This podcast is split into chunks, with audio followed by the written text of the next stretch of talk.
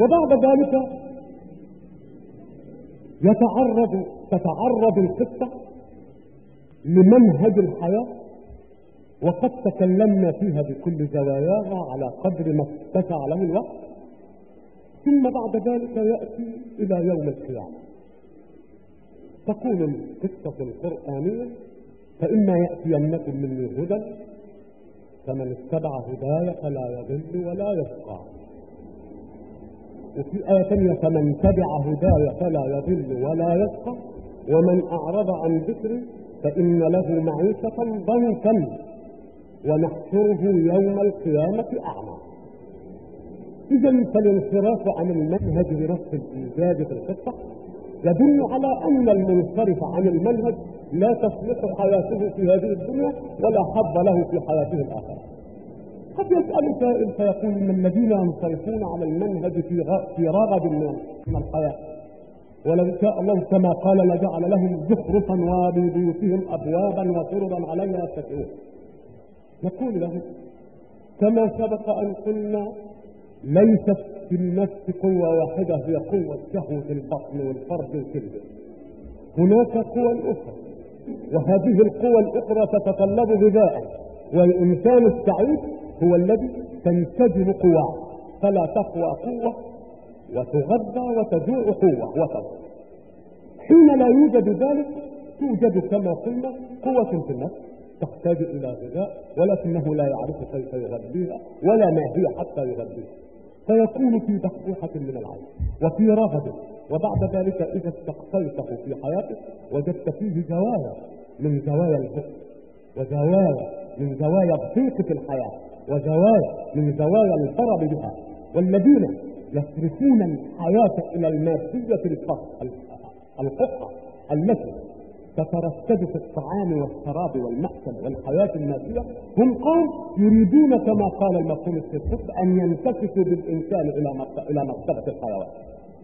الإنسان لابد أن يكون له بعد ذلك يقول الحق حياتهم لا تقف وإن وضربنا في اللقاء السابق مثلا بأرقى أمة وبأرقى مستوى في المعاش وبعد ذلك في إحصائيات مرض الأعصاب والانتحار والكرم بالحياة السوريه اذا فهذه شيء وذلك شيء. والضيق ليس هو الضيق المادي وإنما الضيق الذي يتعب هو الضيق الروح الضيق المعنوي الضيق العاطفي. الضيق الذي لا تشعر له بسبب هذا هو الضيق الحقيقي.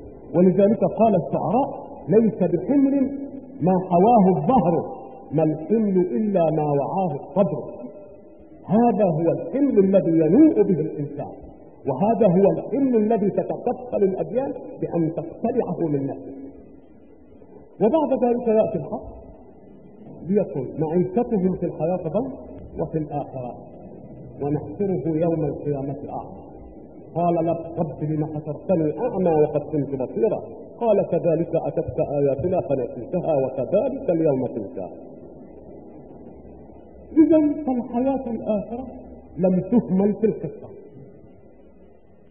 وإذا أردنا أن نبحث المسألة بحثا تجاريا بحثا اقتصاديا بحثا مبنيا على الربح النفسي وعلى خسارته نقول للمؤمن أنت إذا كنت وأنت صغير توجهك أبوك لحرفة. كم تقضي من العمر في تعلم تلك الحرفة؟ لا أقل من عشر سنوات. وكانت حرفة هينة خمس سنوات. والذي وجهها أبوه لأن يفعل. متى يقضي؟ قصد العلم في نصف العقد الثالث مثلا في 25 نسأل صاحب الحرفة والذي ذهب ليتعلم لتكون حياته أرقى ومستواه في الحياة أعلى. نقول له أنت في سن ال 25 على فرض أنك تلميذ مجتهد وانتهيت من العلم. كم توفر لتعيش متمتعا بثمار ما تعلمت؟ سيكون لك متوسط الأعمار. خلاها 65 70 إذا فقد تعب أهلك وتعبت 25 سنة لترفها المدة الباقية. ولكن المدة الباقية هذه أهي متيقنة أم مظنونة قد يختبر وهو صغير فلا يبلغ هذه المدة. إذا فهي مظنونة وغير متيقنة إذا فمن ناحيته على فرض أنه عاش إلى متوسط الأعمار محدودة أيضا. ولكنها غير متيقنة بل مظنونة لجواز أن يكون كذا ثم يموت هذا وأيضا فالنعيم الذي تنتظره بعد هذا الكفاح والعمل. ما أي أي مستوى له سيكون مستواه على قدر إمكانياته وعلى قدر تصورك في النعيم ولذلك نجد البشر يختلفون في تصور النعيم فتصور النعيم عند المتبدل غير تصور النعيم عند المتقدم. وقد يكون في الحضر في بيئة نامية فيكون التصور للنعيم في بيئة متحضرة أوسع. إذا فتصور الإنسان النعيم قاضي على عناصر أن يتصور النعيم ما هو؟ وأن تكون عنده الإمكانيات التي تحصل بإمكانياته وبإمكانيات المدة السابقة. وكل عمل ناجح في الحياة. كيف يقال؟ العمل الناجح في الحياة إنما يقال بأن يعطيك خيره في زمن أطول من زمن الرياضة عليه هذا هو العمل الناجح لو أن الإنسان يعمل سنة لينعم سنة يبقى العمل ناجح إنما يعمل ساعة لينعم يوما. يعمل يوما لينعم أسبوعا. ينعم يعمل أسبوعا لينعم شهرا. ينعم شهرا يعمل شهرا لينعم عاما. إذا فكل عمل نقيس الزمن الذي الذي تنتفع فيه بثمرات العمل مع الزمن الذي أهلك لأن تأخذ هذه الثمرات فإن كانت المدة متساوية تبقى الصفقة لا تختار إن كانت أقل تبقى خسران إن كانت تبقى كسبان آه. فسنسلم جدلا أنك أخذت متوسط الأعمار. كيف تتنعم هذه المدة؟ ستتنعم على قدر إمكانياتك وتصوراتك في النعيم لكن إذا آمنت باليوم الآخر وأنه جزاء على العمل الصالح في دنياك فماذا يكون موقفك؟ سآخذ زمنا لا حدود له. قارنه بالزمن المحدود في مستقبلهم إذا هذا زمن لا حد له خلود وأيضا زمن متيقن فلم تختبر فيه. وزمنك مظنون وأيضا فإمكانيات نعيمك على قدر إمكانياتك في الأولى ولكنها على قدر إمكانيات ربك في الثانية. فقارن إذا بين زمن محدود بزمن ليس محدودا وقارن زمنا متيقنا بزمن مظنون وقارن تنعما على قدر إمكانياتك بنعيم على قدر إمكانيات ربك. إذا فالذين يؤمنون هم أفيس وأعقل الخلق جميعا لأنهم أعطوا أنفسهم ما لا يمكن لكافر أن يأخذه أبدا. بل على العكس سيأخذها من النقيض إلى النقيض. وبعد ذلك يتعرض تتعرض القصة لمنهج الحياة. وقد تكلمنا فيها بكل زواياها على قدر ما اتسع له الوقت. ثم بعد ذلك يأتي إلى يوم القيامة. تقول القصة القرآنية فإما يأتينكم مني هدى فمن اتبع هداي فلا يضل ولا يشقى وفي آية ثانية فمن تبع هداي فلا يضل ولا يشقى ومن أعرض عن ذكري فإن له معيشة ضنكا ونحشره يوم القيامة أعمى. إذا فالانصراف عن المنهج بنص الإيجاد في القصة يدل على أن المنصرف عن المنهج لا تصلح حياته في هذه الدنيا ولا حظ له في حياته الآخرة. قد يسأل سائل فيقول إن الذين ينصرفون على المنهج في في رغب من الحياة. ولو شاء الله كما قال لجعل لهم زخرفا وببيوتهم أبوابا وسررا عليها يتكئون. نقول له كما سبق أن قلنا ليست في النفس قوة واحدة هي قوة شهوة البطن والفرج والكبد هناك قوى أخرى وهذه القوى الأخرى تتطلب غذاء والإنسان السعيد هو الذي تنسجم قواه فلا تقوى قوة وتغذى وتجوع قوة وتضع. حين لا يوجد ذلك توجد كما قلنا قوة في النفس تحتاج إلى غذاء ولكنه لا يعرف كيف يغذيها ولا ما هي حتى يغذيها.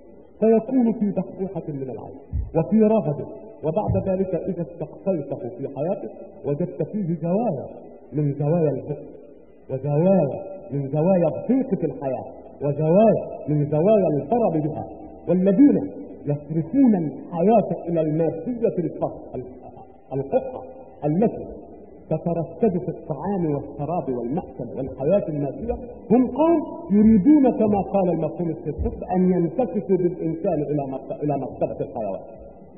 الإنسان لابد أن يكون طموح بعد ذلك يقول الحق حياتكم لا تقف وإن وضربنا في اللقاء السابق مثلا بأرقى أمة وبأرقى مستوى في المعاش وبعد ذلك في أحصائيات مرض الأعصاب والانتحار والكرم بالحياة الطويله إذا فهذه شيء وذلك شيء.